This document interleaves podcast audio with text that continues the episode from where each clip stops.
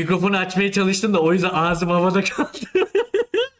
Evrim Ağacı ailesinden herkese merhabalar arkadaşlar. Ben Deniz Akın Karasan. Bugün sizlerle birlikte Sayın Cevdet Hocam'la psikoterapi hakkında konuşmalar yapacağız. Hemen şöyle Cevdet Hocam'ı da ekrana davet edeceğim. O sırada eee, kendi mikrofonumu da ayarlamaya çalışıyorum. Evet Cevdet Hocam hoş geldiniz.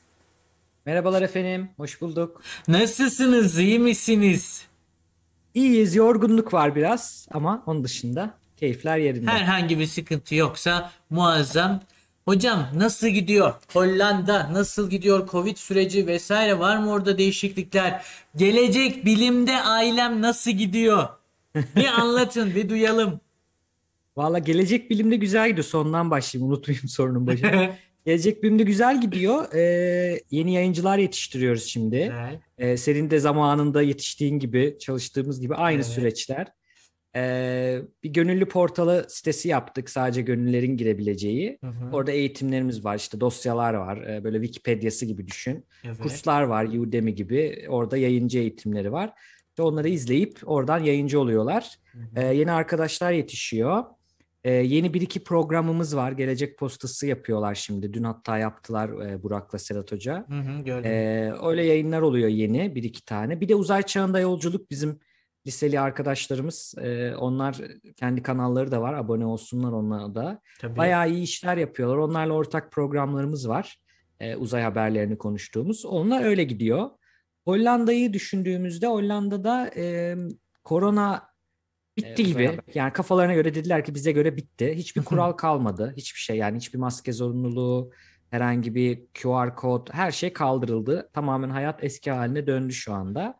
Ee, sadece şey diyorlar işte çalışmayı %50 evden yapın, %50 gelin gibi bir şeyler dediler. Onu da yakında kaldırırlar. Eskisi gibi gidiyor. Benim tahminim ama yaza doğru her ne kadar aşılar 3 aşılı olsa da herkes Hı hı. yaza doğru bunun yine pik yapacağı ve tekrardan önlemler alınacağını düşünüyorum. Ama şu an tadını çıkarıyorum yani hani öyle de olsa şu anki rahatlamaların tadını çıkarıyorum. Hollanda'daki durumlar da böyle. Bir yandan da şey yüz yüze eğitimde e, daha doğrusu yüz yüze iş yapma vesaire durumlarında olabildiğince hani aza indirgemişler ama yakında düzelir diyorsunuz. Pekala. Bir yandan Evet. arkada işte hallediyorum. o benim görü- görüntüm size gelmedi değil mi? Hala Yok, yok. gri geliyor hala bana. gri geliyor. Görüyorum buradan da. Ben sistemden açtım. Birazdan muhabbete başlayacağız arkadaşlar. Birazdan sorularımla e, Sayın Cevdet hocama e, eşlik etmeye çalıştıracağım. Kimi yerde sıkıştırmaya şimdi çalışacağım. geliyor. Şimdi geldi evet, mi? sıkıştır. geliyor. geliyor. Evet tamam bunu da hallettiğimize göre herhangi bir sorun kalmadı önümüzde. O zaman yavaştan başlayalım. Şöyle herkes de gelmişim bakalım. İyi yayınlar demişler. Hoş geldiniz arkadaşlar. Selam demişler. Hepinize hoş geldiniz diyelim. Gecikmeden dolayı da hepinizden özür dilerim. Sayın Cevdet Efendim siz kimsiniz? Sizi tanımak istiyoruz ve bana şunu da söyleyin. Sadece tanımak yetmez. İnsan beyninin o gizemli ancak oldukça meşakkatli yapısı ne zaman ilginizi çekmeyi başardı? Bunu da bizimle paylaşın hocam. Güzel soru. Şimdi ben bu hikayeyi hep şöyle anlatıyorum. Çocukken bana derlerdi ki işte ay işte ne olacaksın falan sorarlar ya böyle. Hı hı. Sordukları zaman ben bilim adamı olacağım diyordum. O zaman bu e, şeyler yoktu. Ee, ne yazık ki yoktu. İşte bu e, nasıl diyelim? Bir Gender neutral falan. diyorlar ya. yok yok sen de yoktun akında. Gender neutral diyorlar ya yani cinsiyetsiz kelimeler. Bilim Hı hı. insanı demiyorduk mesela. Evet. Bilim adamı diyorduk o zaman. Neyse ben de öyle diyordum. Hadi şimdi şey anlatırken bilim insanı olacağım diyordum. Çok garip geliyordu insanlara. Bana da garip geliyordu. Beni mesela bu filmlerde falan böyle işte çılgın bilim insanları olur ya. Hı hı. Onlar çok ilgimi çekiyordu. Çünkü çok şey biliyorlar. Evet. Teknolojiyi kullanabiliyorlar. Yani orada böyle bir bilginin e, cool bir şey olduğunu fark etmiştim bilmenin. E, bir o çok hoşuma gidiyordu. O yüzden de bunu diyordum hep. Ama ne bilim insanı olacağım yani ne alanda çalışacağım. Daha sonra böyle lise sonlara doğru 2-3 tane ilgim oluşmaya başladı. Bir tanesi havacılık. E, bilenler tanıyanlar beni Evet. biliyordur zaten. Bir tanesi böyle hukuk gibiydi ama en azı oydu. Bir diğeri de psikolojiydi. O da sanırım şöyle yani çocuk aklımla ya da işte lise sondaki kafamla böyle şeyi düşünüyorum. Yani bu kişi bazıları bazısından daha değişik davranıyor. Niye daha değişik davranıyor? Bunu farklı davranma iten ne? Bunu merak ediyordum. Yani ne oluyor da işte e, tabii bilmiyoruz o zaman ama psikolojik bozukluklar hani niye böyle oluyor? O niye öyle oluyor? İşte çok üzücü bir şey. Geri dönemez mi? iyileşemez mi gibi bunları düşünürken e, psikoloji aklıma girdi. Bizi de sağ olsun lisedeki e, hocalarımız geziye götürdü bu son seneye doğru. İşte gidebileceğiniz üniversiteleri hani bizi göstermek için ODTÜ'ye, Boğaziçi'ne, Hacettepe'ye, Bilkent'e falan götürdüler diye hatırlıyorum. Hı hı. E, oralara götürdüklerinde de ben ODTÜ'yü çok sevdim. Öyle, o dedim buraya kazan yani Hı hı. önce bir okulu kazanayım sonra bölümü kazanayım falan olmuştum. O şekilde e, psikolojiyle yolculuğum başladı bölümde. Okurken de çok sevdim çünkü biz sırf beyin falan düşünürken çok daha geniş olduğunu öğrendik. Yani o zaman şey zannediyorduk psikolog belki izleyenler de şimdi öyle zannedecek. Psikolog işte e, divan vardır, divana yatırır. İşte e, dertlerini dinler insanların vesaire gibi ya da işte e, çocuklar duymasındaki ya benim kafamdaki ilk psikolog oydu. Çocuklar duymasındaki adamdı mesela. E, bizim nesil hatırlar. E, böyle dinliyorum, anlıyorum falan diyecek diye zannediyoruz. E, fakat girince görüyorsun ki psikolojinin 49'un üzerinde hatta 50 küsür alt alanı var. Sadece klinik psikoloji değil. Ve onu görünce böyle bir dünyanın açılıyor. Diyorsun ki yani wow ve biz her derse şey gibi giriyorduk. Genel kültür gibi. Hı Aa hı. bugün de böyle bir ilginç bir bilgi öğrendik gibi giriyorduk. Bir arkadaşım vardı öyle söylerdi. Kulakları çınlasın. Bu şekilde durum oldu. Daha sonra ben bütün alanları gördükten sonra birkaç alanı çok seviyorum. Mesela sosyal psikolojiyi hala çok severim. Ee, ondan sonra e, bilişsel psikolojiyi, dine- deneysel psikolojiyi bunları severim, sinir bilim.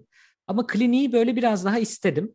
Bir tarafı bu hastalıkları iyileştirmek. Çünkü acı acıları dindirmek gibi ya biraz böyle acıya son vermek gibi.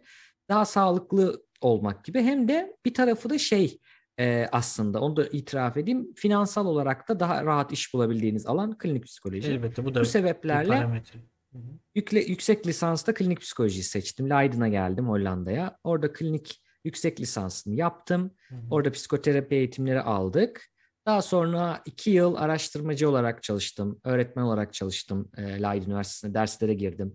Araştırmalarda bulundum. Şimdi de doktora çalışmalarıma devam ediyorum. Erasmus Tıp Merkezi'nde. Hı hı. E, epidemiyoloji alanını yani nöroepidemiyoloji, psikiyatrik epidemiyoloji diyebileceğimiz bir alanda e, tıp yani aslında tıp, tıp alanında bir araştırmalara devam ediyorum.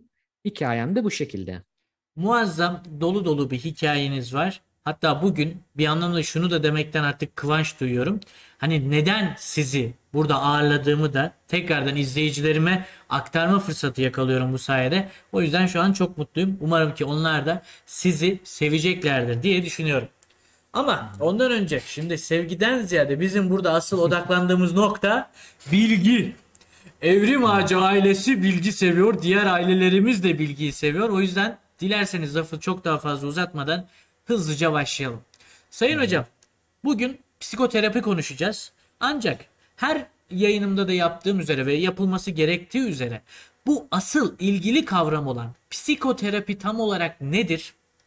neden bir anlamda bizim bugün karşımıza çıkıyor, insanların karşısına çıkıyor ve e, çalışma alanları, çalışma alanından kastım ise neyi inceliyor gibi düşünebilirsiniz. Bana psikoterapiyi bir tanımlar mısınız hocam? Güzel bir soru. Bak şimdi şey sorular geldi. Zor zor sorular geliyor. Güneşi Ama aldık o tarafa. Daha başladık bir sene. Tepede böyle spotu aldık. Tamam güzel sevdiğimiz işler gönder. Aynen Şimdi öyle. psikoterapi şöyle demin dedim ya aslında psikoloji dediğimiz şey Hı hı. insan zihnini ve davranışlarını inceleyen bilim dalı. Hatta kimi tanımlarda hayvan davranışlarını da katabiliriz biz bunun içine ama kabaca insan zihnini yani zihinsel süreçlerini ve davranışlarını dışarıdan gözlemleyebildiğimiz kısmı zihnin davranışlarını incel, inceleyen bilim dalı. Şimdi burada bak dikkat edersen hastalıklı davranış demiyorum.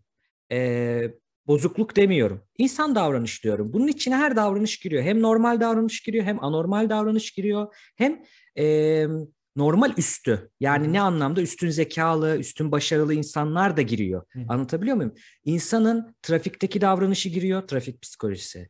İnsanın e, davranışları psikolojisiyle biyolojisi arasındaki ilişki biyopsikoloji. Hı. Ee, çok sayarız. Sosyal ortamdaki davranışları sosyal psikoloji gibi gibi uzatmayayım bir sürü var. Bunlardan bir tanesi klinik psikoloji. Ne yapıyor klinik psikoloji? Diyor ki ben anormal davranışları inceliyorum. Anormal davranışları anlamak Tahmin etmek ve tedavi etmekle uğraşıyorum. Hı hı. Anlamak nedir? Niye oluyor? Sebebi ne? Kökeni ne? Nasıl bir şey? İrdelemek, Tanımlayabilir evet. miyim? Teşhis edebilir miyim? Hı hı. Tahmin de şu. Mesela risk faktörleri neler? Depresyonun riskini arttıran, bir kişinin depresyon hastalığına yakalanması, depresyona girmesi ihtimalini arttıran şeyler ne? Bunu bilirsem prediction yapabilirim, tahmin yapabilirim, önleyebilirim. Hı hı. Üçüncüsü de tedavi. Nasıl tedavi ederim? Bununla ilgili araştırma yapan bir bilim dalı klinik psikoloji. Okey. Peki psikoterapi ne? Psikoterapi işte bu tedavi kısmında devreye giriyor. Tedaviyi nasıl yaparım? Tedavilerden bir tanesi elimizde olan bugün eee, psikolojik problemleri tedavi için birkaç tane araç var elimizde. Hı hı. Çok fazla yok ne yazık ki. Bir tanesi farmakoterapi yani ilaç İlaçlarla. tedavisi. Hı hı. Halk arasında bilinen ilaç tedavisi. Bunu yapanlar hemen burada ayrımdan da bahsedelim. Klinik psikolog, psikiyatrist ayrımı. Benim kanalımda falan sürekli bahsettiğim en temel şeylerden biri. Psikiyatrist bir tıp hekimi. Yani İlaç tıp, yazabiliyor. uzun- tıp, tıp Hı hı. eğitimini alıyor 6 Hı hı. sene Türkiye için. Hekim oluyor. Sonra uzmanlık eğitimini alıyor. Psikiyatrist oluyor. Hı hı. Ancak uzmanlık eğitimi aldıktan sonra psikoaktif ilaçlar yani psikolojiyi etkileyen, Hı hı. tedavi edebilen ilaçları yazabiliyorlar. Bu ayrı bir konu. Evet. Klinik psikologların elinde ne var? Psikoterapi var. Bu da konuşma tedavisi, iletişim tedavisi Hı hı. diyebileceğimiz bir tedavi. Burada şey de saymakta fayda var. Ortak kullanılan bazı metotlar da var. Mesela Elbette. E, biyopsikolojik diyebileceğimiz bazı metotlar var. Mesela elektrokonvülsif terapi. Filmlerde falan görmüşlerdir. Şizofreni tedavisinde falan işte bu elektrotlar takılıp böyle işkence gibi gösteriliyor ama öyle değil. Ben staj yaptım Bakırköy. Ruh Sinir'de. Orada hani gördük. Öyle değil. Uyuşturularak acı çekmeden aslında yapılıyor. Böyle bir tedavi var. EMDR dediğimiz bir tedavi var. Yarı terapi, yarı biyopsikolojik bir tarafı olan. Onun dışında TMS dediğimiz bunlar en son bu arada şu an son söylediklerim TMS özellikle ve e, DCS birazdan söyleyeceğim bu iki tanesi en son böyle en önde hani cut, ne diyor cutting edge diyorlar ya en bilimin en son hali en güncel hali çalış şeyler tedaviler. E, TMS dediğimiz transkranyal manyetik stimülasyon yani e, kafatasının içerisine de geçebilen manyetik uyarım. Ha süpersin işte bu. Bak bak bak çok güzel öğrenmiş. Bak yayıncılığın en güzel tarafı işte bu.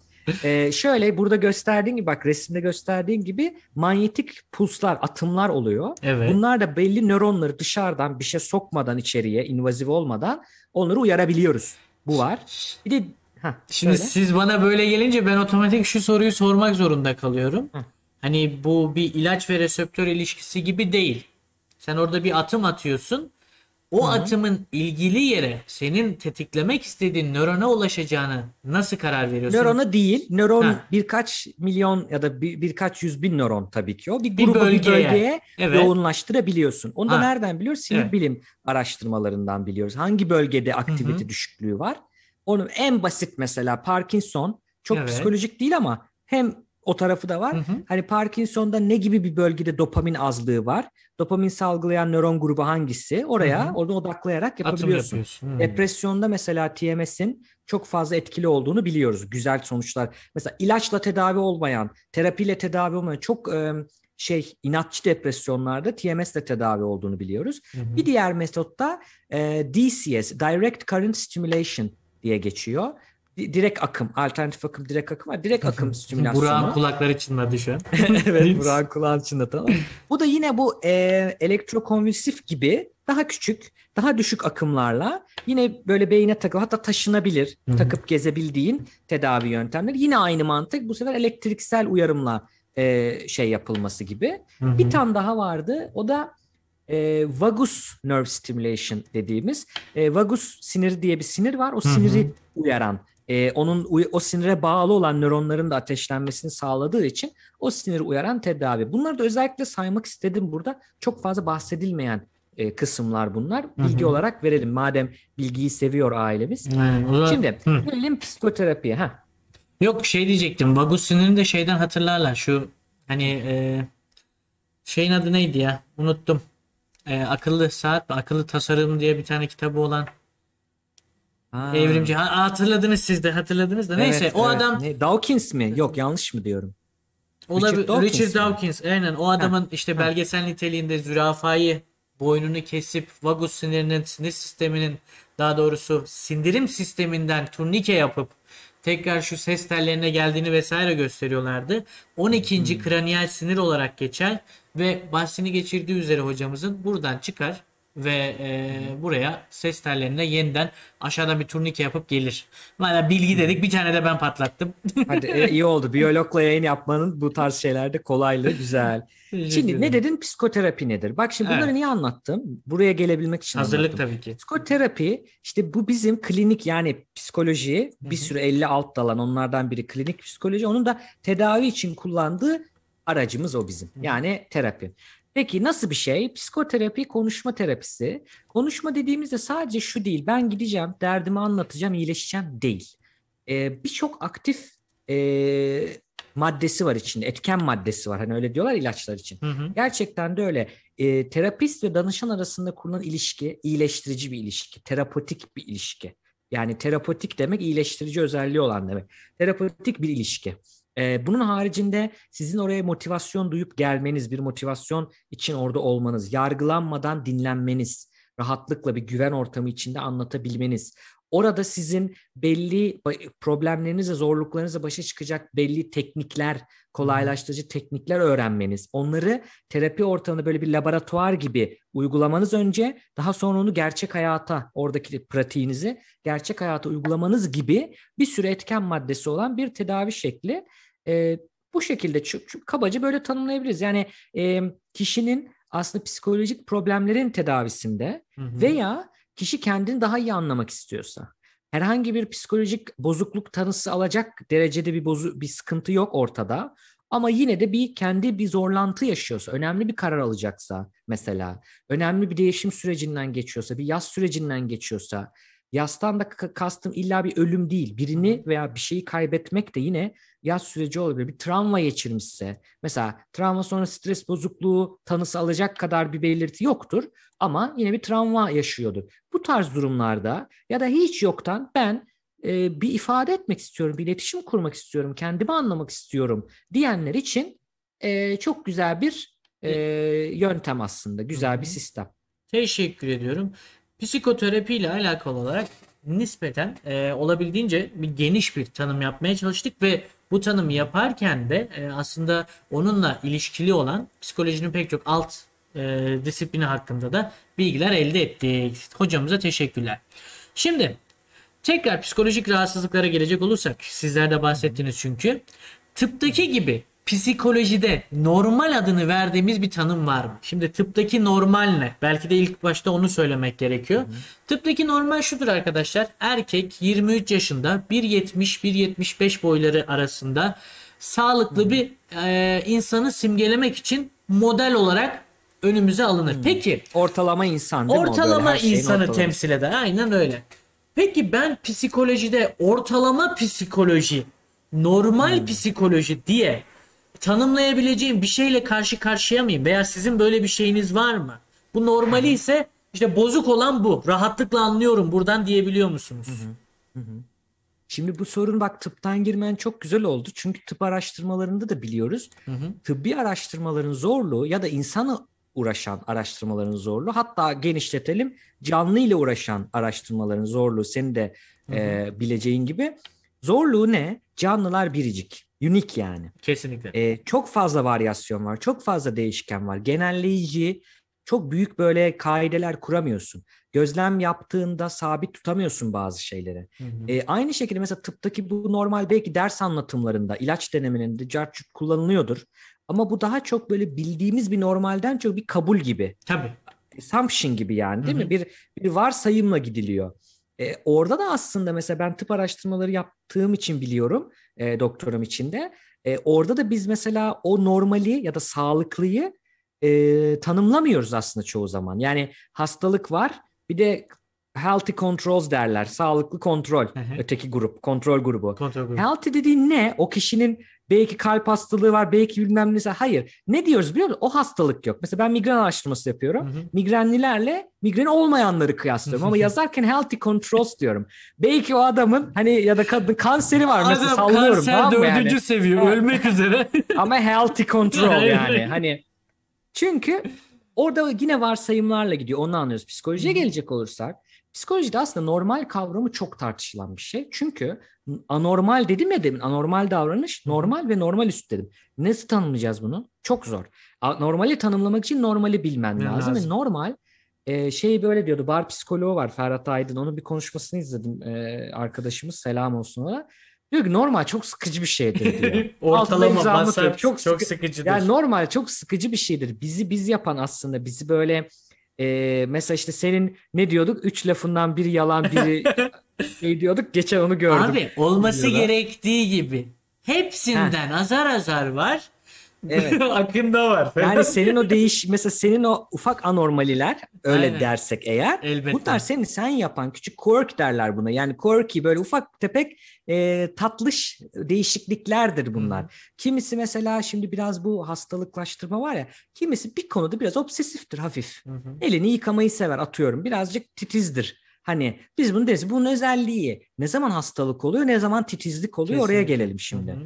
Bizim anormal tanımımız aslında şu. Kabaca yine kabaca hani yüzde yüz her şey geçmiyor ama kabaca dört tane D'den bahsediyoruz. İngilizce olarak çıktığı için. Deviance yani sapma, Hı hı. e, distress, rahatsızlık, dysfunction, e, Fonksiyon işlev bozukluğu, Aynen. fonksiyon bozukluğu diyebilirsin. Dört de tehlike. Yani şöyle bir durum, bir psikolojik olgu bir kişide bu dördüne sahipse biz onu artık hastalık olarak Ha. tanımlamaya, anormal olarak tanımlamaya başlıyoruz yavaş yavaş. Nasıl? Deviance dediğimiz şey yalnız bu dördüne de sahip olmasın. Tek bir tanesi yetmiyor. Aa.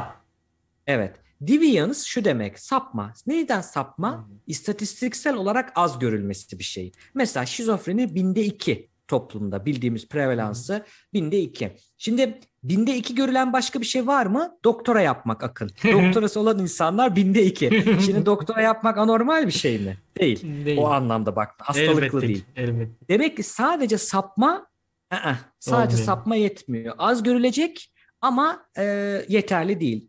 Devam. Distress. Kişi bundan rahatsız mı? Kişi bu durumdan hoşnut mu değil mi? Distress veriyor mu? Stres veriyor mu kişiye? Okey. Üçüncüsü dysfunction. İşlevini bozuyor mu? Nedir bu işlev? Bir, bir kişiden, sağlıklı kişiden beklediğimiz, toplumun beklediği nedir? İşte e, okuluna, işine gidebilmesi, değil mi? Kendi kendine yaşayabilmesi, Hı hı. kendi öz bakımını yapabilmesi, nedir? Yıkanmak, temizlenmek vesaire gibi. Efendime söyleyeyim, e, evini temizleyebilmesi, yemeğini yapabilmesi. Şimdi ben böyle sayınca bu arada bazı e, Türk erkeklerinin yetiştirilme yüzünden bunu yapamadığı Yapamadı, da eksikliklerimiz aşikar. Var acı hocam. bir şekilde söylüyoruz onu. Hani yani neyse girmeyeyim oralara ama disfonksiyon bu. E, işindeki işte yani işinde ve okulundaki fonksiyonu nedir? Anlayabiliyor mu? Orta kararda yapabiliyor mu? Devam Hı hı. edebiliyor mu? Arkadaşlarının sosyal işlevne, arkadaşlarını görebiliyor mu? Ailesini görebiliyor mu? Değil Hı mi? hı. Bir türü bir sürü işlevlerimiz var e, durumda. Bunlarda bozulma var mı? Yani bu problem bu kişiye sorun yaratmış. Şimdi bir örnekle açıklayacağım bitince daha netleşecek bunlar. Dördüncüsü de tehlike. Tehlikede ne? Kişinin kendisini bu daha tartışmalı bir kriter ama kişinin kendisine veya başkasına e, zarar vermesi bu durumun. Tehlike yaratması. Buradaki tehlikeyi direkt ölüm tehlikesi, fiziksel tehlike gibi düşünmesinler. Biraz da zarar veriyor gibi. Şimdi neyi ele alalım? Daha çok hatırlanan ops, e, hadi depresyonu ele alalım. OCD Okey. diyecektim ama değiştirdim. Depresyonu ele alalım. Şimdi depresyona baktığımızda Akın senle birlikte yapalım bunu. Olur D'ye hemen geliyorum. bakalım sapmaya. Şimdi depresyon ne kadar görülüyor? Hatırladığım kadarıyla %12, 13, 15 arası falan bir prevalans. Yani nedir? Toplumda %12, %15 ki çok yüksek aslında ama yine %50 değil. Az görülüyor normalde. Yani her 10 kişiden birinde görüyorum. Çok Evet. kişide görmüyorum. Sapmayı biraz tutuyor. Okey. Değil mi? Yani burada kastettiğimiz majör depresyon, ağır depresyon. Ben bugün depresifim. Öyle bir şey değil. Hastalık olanı kastediyorum. Evet. Bugün Ee, yataktan iki- kalkasım yok. Heh, çok çok bugün çok depresif var. Aynen. İki, distress. Kişiye sıkıntı verir mi depresyon? Kendisi bundan rahatsızdır. Kimse Verir, yani ben alayım o filmlerdeyim Nutella kabımı alayım, oturayım, televizyon izleyeyim. İşte değil. O, o öyle gösteriliyor ama değil. Peki disfonksiyon. Şimdi bakın neden öyle dedim? Bugün depresifim değil. Majör depresyondaki bir insan hani ortalamalarda bir vakayı ele aldığımızda ne görüyoruz? Yataktan çıkamıyor, yıkanamıyor, Yıkanmıyor ya da zor çok zor geliyor onun için. Yani yataktan çıktığında kutlanması gerekir. Tebrik etmemiz gerekir. O kadar zor bir şey ki. E, yemek kendi yemeğini yapamıyor, temizleyemiyor. Bir şey yapamıyor, okula gidemiyor, işe gidemiyor. Yani işlevi, işlev anı uyuyamıyor ya da fazla uyuyor, az yiyor ya da çok yiyor gibi işlev bozukluğunu görüyoruz aslında. Hocam direkt bana olarak. doğru gidiyoruz. O yüzden sormak istiyorum. Tembellikle arasında bir fark var mı bunun? Çok benzer Ee, gözüktü şu an. Şöyle Akın sev, çok sevdiğin bir şey yaptığında tembellik hissediyor musun? Yok, o iş bende hiç yok. Heh. Evet. Şimdi depresyondaki kişi artık eskiden zevk aldığı şeylerden zevk almıyor. Heh, tamam. Mesela sen depresyonda olsan bir örnek kabaca anlatıyorum. Hani teşbihte hata olmaz. Ee, bu yayını yapmayı sevdiğini biliyorum ben senin yayın yapmayı sevdiğiniz bilim iletişimini. Buna da yapamazsın. İçinden Anladım, gelmez içinden değil, gelmez. enerjin de gelmez. Yani Ha. bu tek bir şey değil. Bir sürü durum. Peki Okey. danger ne? Tehlike var orada. Tehlike zarar gibi düşünün. Hı hı. Sana zarar veriyor aslında. Fazla yiyorsun ya da az yiyorsun. Çok uyuyorsun, az uyuyorsun. Her türlü evet. Başka şeyler biliyoruz. Depresyon sadece psikolojik bir hastalık değil. Nörokimyasal bir hastalık. Dolayısıyla depresyonda kişinin e, bağışıklık sistemi düşüyor. Savunması düşüyor. Hastalıklara yatkın hale geliyor. Mesela bunu anlıyoruz. Depresyonla kardiyovasküler hastalıklar arasında ilişkiler bulunuyor araştırmalarda. Değil mi? Damar, kalp damar hastalıkları arasında. Yani sadece böyle öyle oldu hissetti mi tehlikesi de kişiye ve çevresinde de tehlikesi var. En ultimate böyle en nihai tarafına gidersek de majör depresyonda e, intihar düşünceleri görüyoruz. Yani kişi hayatına son, Son verme. Hı. Yani de- danger'ın en tepesi. Şimdi bunları düşündüğün zaman burada bunun anormal bir davranış olduğunu, anormal bir davranış, değil, anormal bir e, kavram olduğunu, anormal bir durum olduğunu Evet. görüyoruz aslında e, bu anlamda. Bunu Pekala. kullanarak aslında biz de normalle anormali bir tık ayırabiliriz. Ayırabiliyoruz. Anladım. Ya bu Evet. 4D kuralı bir anlamda bizler için bir ne derler? Yol gösterici. Bir kerteriz deriz ya. Şey hani Evet. ona bakaraktan. Kriterimiz, Aynen, kriterimiz, Doğru, kesinlikle. doğru. Evet, şimdiki sıradaki sorumuz ise psikolojik rahatsızlıkların vücut üzerinde gözlemlenebilir e, olup olmadığına yönelik ve aynı zamanda bireyin kendisi psikolojisinin bozuk olduğunun farkına varabilir? Şimdi biz 4D kuralını söyledik ama şimdi ben kendim efendime söyleyeyim bunun popülasyondaki bulunma miktarını bilmiyorum. Ee, az önce söylediğiniz depresyondayım ama aynı az önce ben kendim ki kendim düşündüğüm gibi tembel olduğumu düşünüyorum. Canım sıkkın. Ee, enerjim olmadığı vesaire aklıma gelmiyor. Ben bunları yaşadığım aklıma gelmiyor ama ben yine de kendimin hasta olduğunu anlayabilir miyim tüm bunları bilmeden? Şimdi zaten şöyle bir gariplik var orada. Hı. Psikolojik hastalıklarda e, en temel kaynağımız belki de tek kaynağımız kişinin kendisi. Kişinin kendisi çünkü konuşuyorsun. Dolayısıyla kişini yani kişi kişi senin ben nasıl hissettiğini nasıl dışarıdan anlayayım? Kesinlikle. İçinde zihninde ne döndüğünü. Dolayısıyla e, bu noktada kesinlikle kişiden alabiliriz bunu. Hı hı. Ha, bazı şeyleri dışarıdan gözlemlersin. Mesela ne dedim? Öz bakımın düşmesi. E, geldiğinde üstü başından, Hı hı. halinden, kokuyor Ha. olabilir mesela yıkanamadığı için. Bu Anlaşılır. tarz şeylerden anlayabilirsin belki ama bunun bin tane sebebi olur. Belki çukura düştü gelirken. Hani Aynen. anladın mı? Yani belki beden dilindeki sıkıntı da bu. Beden dilinin tek başına kullanılmaması gerektiği, tek başına bunu anlattık yani tek başına bunun bir şey ifade etmeyeceği. Niye? Ee, öyle yapıyordur. Belki dizinde sıkıntı var o yüzden dizini sallıyor. Ben onu gergin zannettim. Bir sürü sebep olabilir. Dolayısıyla bunların totaline bakıyoruz biz Bunlar aslında yardımcı ama şeyler daha çok. aynen kişi kendi nasıl anlar onu güzel sordun. Aslında bu dört saydığımdan iki tanesi Hı. kişinin e, daha rahat anlayabileceği şeyler Ben ve biri terapiye tehlike olduğunu düşünüyorum. Yok. Güzel Ha. geldin. Üç tane kaldı. Ötekinde de yakı az kaldı. evet. Şimdi Hadi bir şans daha. Tam Ee. O zaman bu şey mi? Şimdi popülasyon kısmında bilemeyeceğine göre o zaman Bravo. diğer ikisi. Diğer ikisi. Aynen. Kişi bunu şöyle düşün. Kişi kendisi bu durumdan rahatsızsa. Kendisi diyor ki ben üzgünüm, acı çekiyorum, kötü duygular yaşıyorum. Mesela ben istemiyorum bunu. Ben Tamam. böyle olmak istemiyorum. Bir. İki de artık benim işlevimi bozuyor. Şimdi işlevin bozulması biraz şöyle bir sosyal bir tarafı da var. Sen işe gitmemeye başladığında, arkadaşlarınla görüşmemeye, onların gö- artık derler ki Akın iyi misin? Yüzünü Şey gören cennetlik. Sana- Ha, mesela yani niye kendini içe çekiyorsun? Ya da Evet. işte Akın dersini yapmadın, işe gelmedin, ne oldu, iyi Bir de misin? azar kısmı var. Doktora mı gitsen hani e, ya da ne yapabiliriz, yapabileceğimiz bir şey var mı gibi o zaman da biraz başlıyor insan. Diyor ki ha ben böyle zannediyordum ama bu ciddi bir şey mi acaba falana doğru geliyor kişi tarafında da. Hı hı. Bu iki taneyi diyebiliriz. Yani kişi kendisi rahatsızsa ve işlevini bozuyorsa Hı hı. bunlardan ikisi ya da tek bir tanesi de olabilir.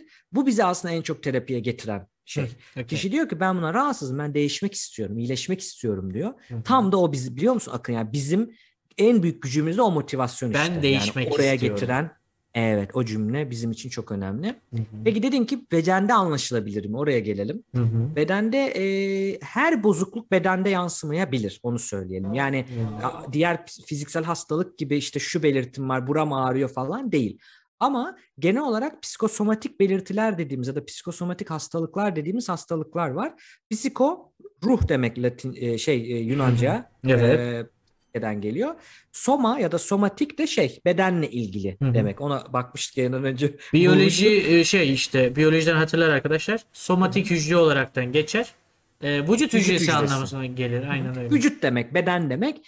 Psikosomatik demek ki psikolojinin bedeninize, vücudunuza etkilediği kısımlar, hastalıklar Hı hı. ya da belirtiler. Ne gibi? Mesela sindirim problemleri, He, ee, kabızlık, beslenmeyle. İshal ya da aşırı gaz gibi olabilir. Ee, titreme ya da baş dönmesi gibi olabilir. Bunların hepsini yalnız şu amaçla söylüyorum. Başka bir şeyle açıklanmadığı sürece. Hı hı. Hani öyle bir bizim tanı kriterlerinde belki sen de bilirsin şey vardır. Hani başka not better explained by other disorder gibi bir madde var. Sayar sayar işte bu bu bu bu bu E ya da işte E son F der ki ama bak bunlar başka hastalık tarafına bravo ya sağ ol yani hani Şey, onun gibi Yükselmişim okuyorum arka arkaya. Ondan sonra bende var hepsi ama öteki. Niye? Çünkü her yani nasıl diyeyim? Şimdi kas ağrısı hem gripin belirtisi hem Yani. bir sürü başka hastalığın belirtisi ya ortak. Tabii ki. O anlamda başka şey tarafın açıklanmadığını varsayalım. Doktora gittiniz, doktor bir sonuç bulamadı, sebep bulamadı. Öyle düşünelim. O anlamda psikosomatik ve bunlar şeyle korele ise yani sıkıntılı anlarınızı, stresli anlarınıza o gün ya da ertesi gün yakın zamanlarla ya da çok gergin bir şey var, sınav var, bir şey var ondan önce oluyorsa yani psikolojik bir durumla korele ise benzer gidiyorsa Hı hı. zaten bize e, şeyi yapıyor. Çakışma Psikolojik varsa sorun aynen. Ha, e, geçtiğinde bu belirtiler de geçiyorsa Hı hı. mesela gibi ya da duygunu ifade ettiğinde ifade edilmemiş bir duygu genelde somatik şekilde çıkar. Evet. Bu ifade edildiğinde azalıyorsa ha diyoruz ki tamam psikosomatik gibi neler var? Sindirim problemleri, baş dönmesi, e, şey e, titreme, baş ağrısı, baş ağrılarının bir çoğunluğu, e, kas ağrıları veya kas e, Spazmlar mı? Spazmları aynen. Gergin kas tonusu böyle. Hı hı. hani kas gerginliği dediğimiz. Hızlı atan kalp çarpıntı gibi. Hı, Tansiyon da o dışında- zaman bir anlamda. aynen yüksek tansiyon aynen öyle. Tansiyondaki durumlarımız bu. Bunun dışında mesela yorgunluk ama böyle biyolojik yorgunluk gibi. Hani canım istemiyor değil de bedenim yorgun gibi yorgunlukları Anladım. görebiliyoruz libido düşüklüğü görebiliyoruz yine Hani bu İsteksizlik. anlamda evet. isteksizlik görebiliyoruz. Göğüs ağrısı, göğüste baskı bunlar en yaygınları. Ama bunların dışında sayabileceğim bir sürü durum var. Muhtemelen. Mesela konversiyon Hı hı. hastalığı diye bir e, disorder diye bir bozukluk var. E, kişi mesela bir kolunun felç olduğu oluyor. bir kolu kullanılamıyor. Aynen. Felç o kol. Mesela örnek veriyorum. Ama her şeyle kol yerinde ve çalışıyor Tabii tabii vaziyette. her şey sağlıklı. yerinde biyolojik olarak yani Aynen, tıbbi aynen. anlamda okey ama kullanamıyor gibi Hı bir durum. Mesela e, o örnek olmayabilir yok şeyi verebiliriz. Bazı körlükler mesela psikolojik körlük Aman durumu var. Yani biyolojik her şey retina tamam göz sinirler okey ama sıkıntı var görmede gibi böyle bu problemler de olabiliyor e, psikolojik. Bunlardan çıkabiliyor yani sorunun cevabını öyle toparlayayım. Pekala teşekkür ediyorum. Şimdi dolu dolu gittiğimiz için muhtemelen bir saatlik sözümüzü birazcık aşacağız. Onun öncesinde bilgisini vereyim. Ama ben keyif alıyorum ve güzel de Benim gidiyor her şeyle. okey. Aynen öyle. Tamam. O yüzden devam ediyorum. Bireyin kendisi herhangi bir yardım almaksızın tüm bu sorunların üstesinden gelebilir mi? Bu sorunları çözebilir mi? Eğer ki işte çözemezse psikolog hangi aşamada devreye girmektedir ve birey kendini normal hissetse de burası belki diğerlerinden biraz daha ayrı olacak. Birey kendini normal hissediyor. Herhangi bir sıkıntım yok ama ben bir psikoloğa gidip bir kendimi böyle bir sağlıktaki gibi check-up ettirebilir miyim? Düşüncesiyle psikoloğa gelebilir mi? Bu üç soru nispeten birbirine pas atabilecek sorular. O yüzden sormak istedim. Güzel. Bak şimdi burada senden yardım isteyeyim. Benim Instagram hesabımda Hemen bir post açıyorum. var. Ben de ondan yararlanacağım. Biz bunu şeyden alarak yapmıştık. Hangisi hocam? Ee, Hı. Amerika Ulusal Ruh Sağlığı Enstitüsü'nden aldıydık. My Mental Health diye bak. Geçilimsi bir arka planı var. İş buldum. Hı. Hemen şimdi onu Şimdi burada şeyi soruyor aslında. Ee, benim şu an hesabım İngilizce olduğu için Hı hı. onu öyle koydum. Türkçesi de bunun paylaşmıştık zamanında. Ruh sağlığımla ilgili benim yardıma ihtiyacım var mı? Hı. Geç bakalım Sordu tane. soruyu. Soruyu sordu.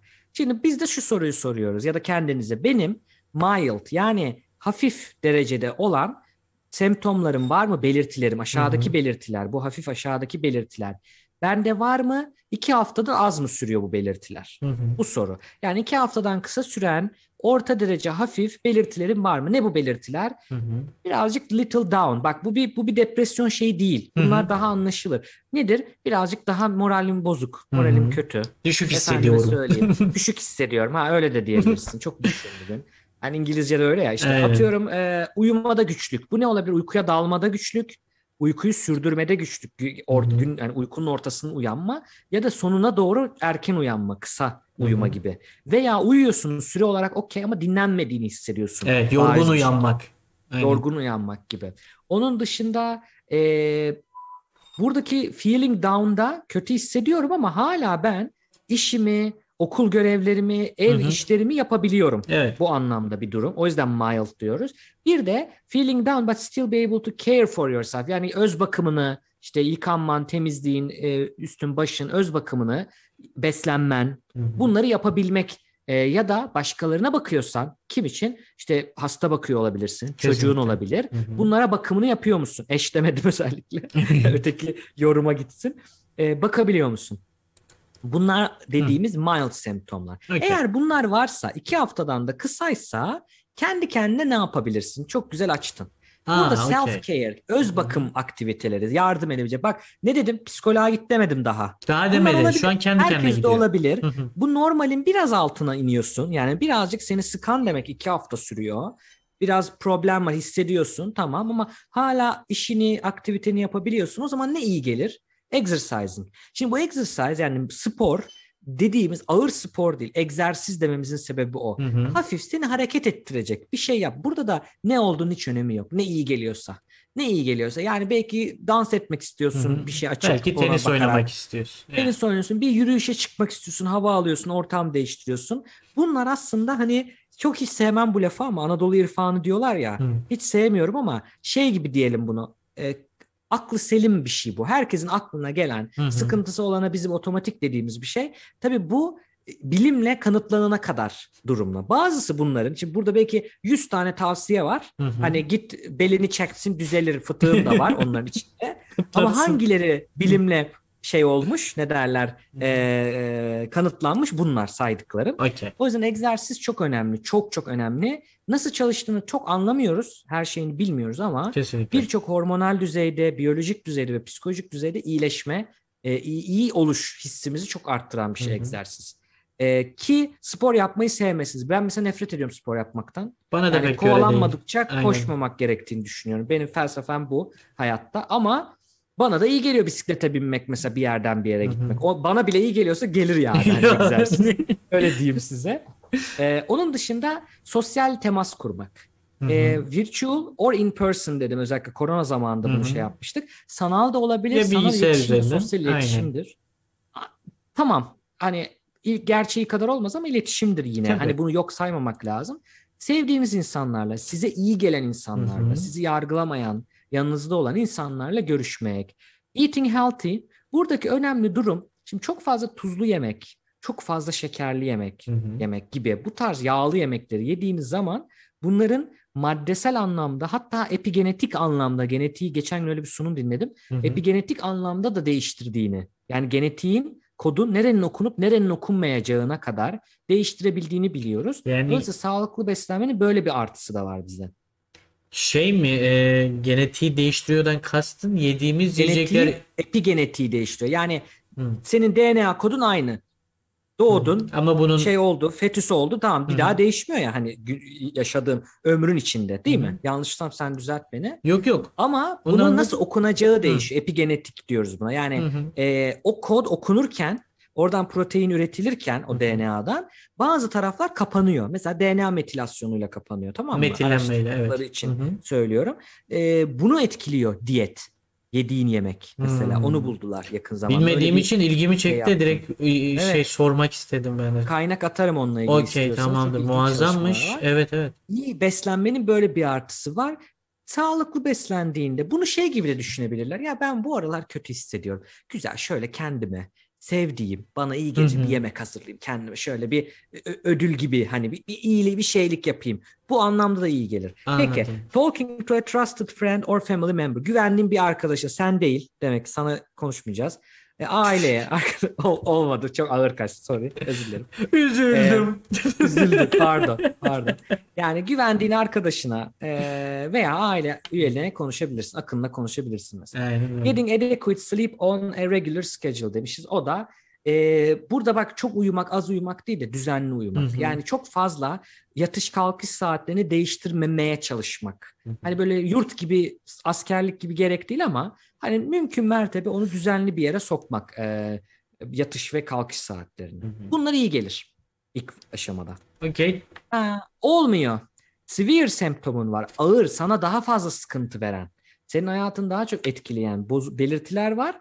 Ve bu belirtiler iki haftadan uzun sürüyorsa e, neler bunlar mesela? Ne gibi belirtiler bunlar? Onları söyleyelim. Uyumada güçlük. Güç çekme. Her gün hı. artık yani uyuyamıyorsun, erken kalkıyorsun, Hı hı. konsantre olamıyorsun. Hemen Hı. bak ne oldu? İşlevselliğini bozdu. Yayında konsantre olamazsın, Direkt, işinde aynen. olamazsın okulda. Ee, iştah değişikliği, fazla yemek, az yemek. Burada unwanted weight changes diye yazılmış. Çok güzel bir tanım. İstenmeyen. İstenmeyen kilo değişikliği. Evet yani evet. O kadar çok yiyorsun ki depresyonsun kilo aldın istemiyorsun. Ya da o kadar az yiyorsun ki kilo kaybediyorsun istememene rağmen. Hı hı. Hedeflememene rağmen hani buna ilişkin diyet yapmamana rağmen.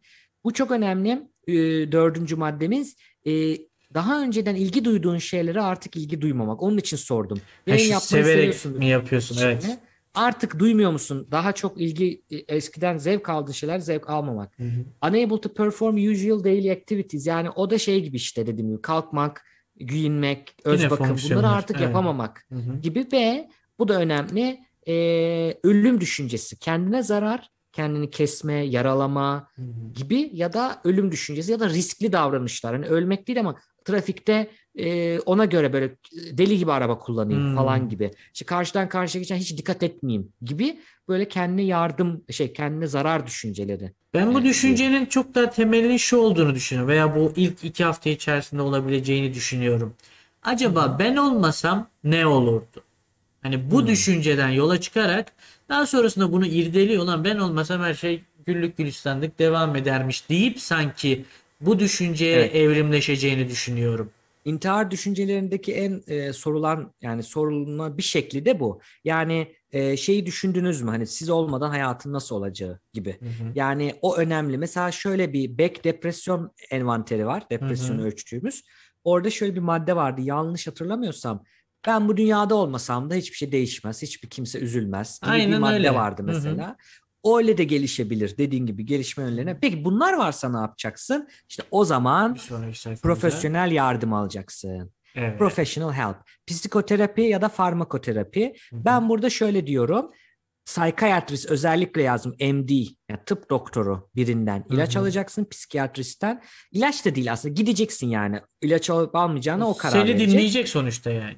Tabii ki. Psikoterapi ya da konuşma tedavisi Hı hı. dediğimizde kişi sanal olabilir. Yani Zoom üzerinden yapılan terapinin de aynı etkinlikte olduğunu bulduk son bu araştırmalarda. Allah Allah. Eşit eşit etkinliği var aynı etkinlikte.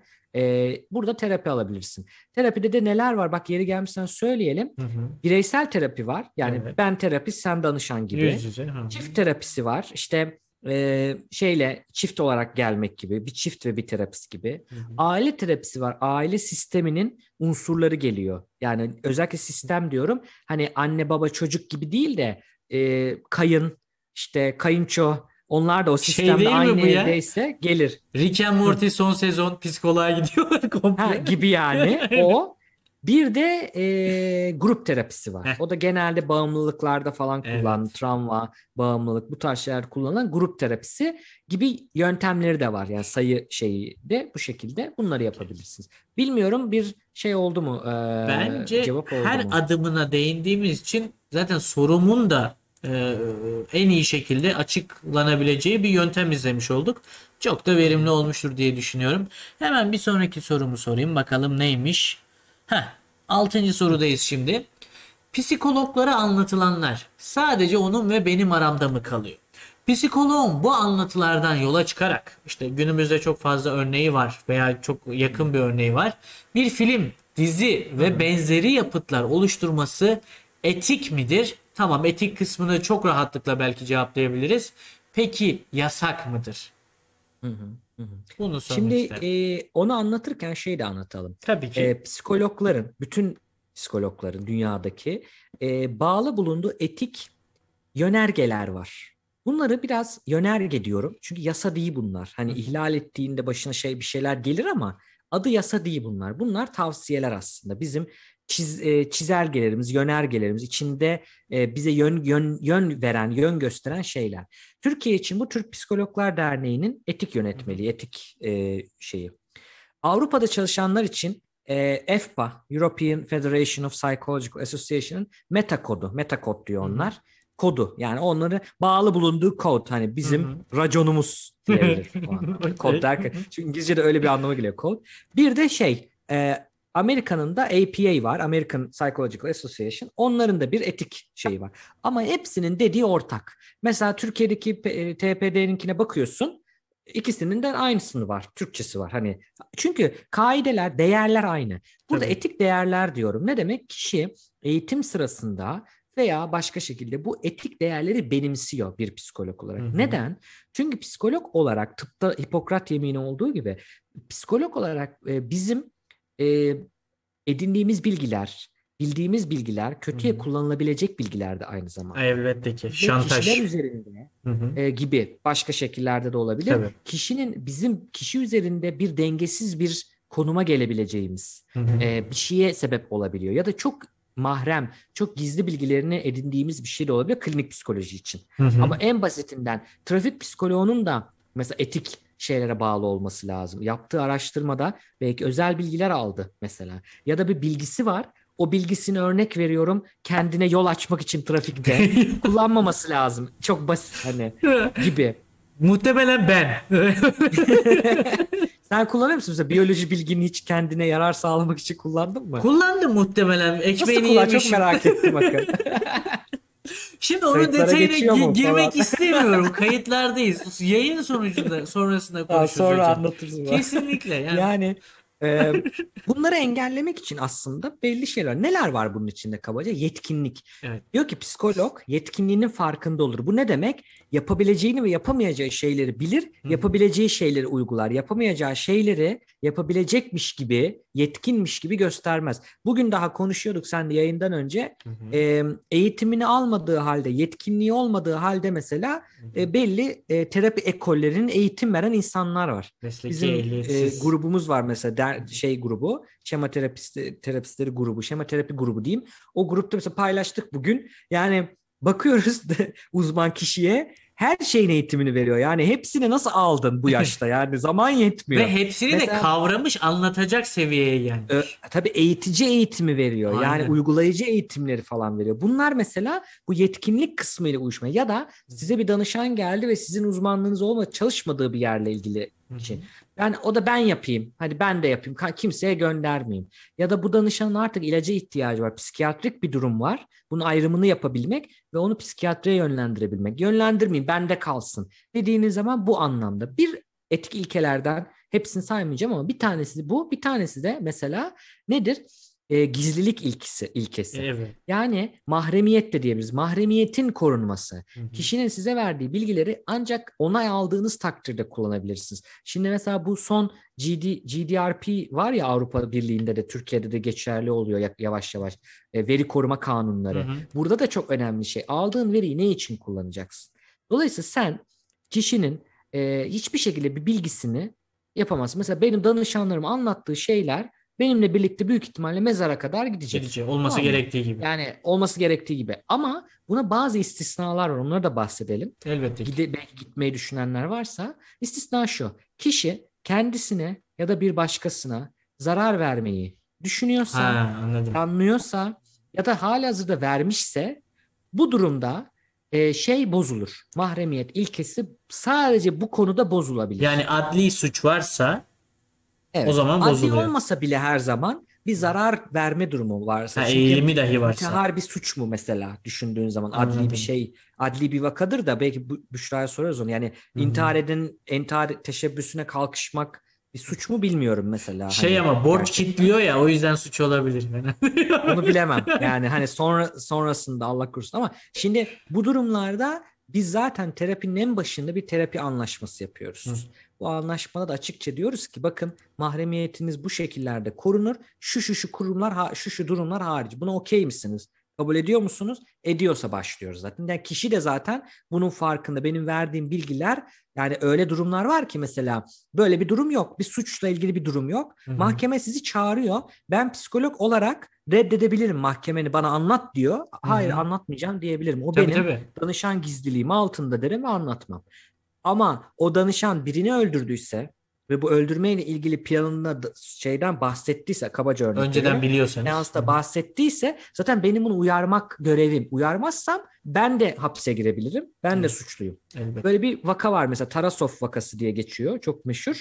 Amerika'da bir e, kampüste bir psikolog var. E, öğrencilere yardım veren. Oraya bir e, adam geliyor ve diyor ki işte anlatıyor e, kız arkadaşıyla ilgili problemlerini. Öldüreceğim ya falan diyor. Hani artık çileden çıktım gibi bir şeyler diyor. Bu noktada oradaki terapist kampüs polisine haber veriyor. Ha çok güzel bak o sağdaki adam. E, kampüs polisine haber veriyor. Kampüs polisi bu e, genci yakalıyor, sorguya çekiyor ama tabii ki ortada işlenmiş bir suçu yok. Yok evet öyle bir sıkıntı var. Evet. Bırakıyorlar ve adam gidip gerçekten Tarasov'u öldürüyor. Ve bu durumda Tarasov'un ailesi terapiste dava açıyor. Sanıyorum terapist hüküm giydi burada. Sebep ne biliyor musun? Haber verme görevi. Duty to inform. Neden? Neye haber vermedi? Ailesine haber verecek. Sadece polise haber verince iş bitmiyor. Hı hı. Görevi neydi yapması gereken? Tarasov'u yani bahsettiği kişiyi en azından bulamıyorsa bile bulmaya çalışmak. Bir bilgi verdi belki isim verdi, Hı hı. ölüm verdi. Gidersin dekanla onu bulursun acil bir durum. Kişiyi ararsın dersin ki bana böyle dedi. Bak yani bunu söylemek zorundayım. Kendini korumaya al. Polise haber verdim ben ama ailesini bulamıyorsun. Ailesine kızınızla ilgili böyle bir durum var. Bunun bilgisini vermek durumunda kişi. Hı hı. Böyle bir görevimiz de var. O yüzden yani hem bir görev hem bir istisna böyle de bir durum var. Bu anlamda gizli kalıyor. Akın Hı, onu söyleyelim. Senin öteki soruna gelelim. belli sınırlar içerisinde gizli kalıyor. zaten-. Hı hı. Aynen. Zaten e, anlattıklarımdan anlaşılıyordur o sorunun cevabı da. Kesinlikle. Sen danışanından e, şöyle izin alabilirsin terapi anlaşman gelince. Bakın ben ileride bir gün sizin anlattıklarınızı anonimleştirerek Evet. bu önemli. Yani Hı hı. sizi o bilgilerden anonimleştirmek şu demek değil. Adını değiştirmek değil. Karakteri içinden çıkarıyor. Öyle bir bu şey anlatırsın ki Hı hı. sadece o kişinin hikayesini duyar. Onu tanıyan biri Hı hı. onu yaşadığını anlar bunu duyarak. O, o kadar karmaşık bir şey ki öyle bir bilgi ki yani. Hani hmm, örneğini bile ver, veremiyorum yani düşünüyorum nasıl diyeyim. Yani mesela şey dersin ya ha örnek veriyorum. Benim terapistim örnek veriyorum yarın bir gün dizi çekti bir karakter var ve şey diyor yani adı Mehmet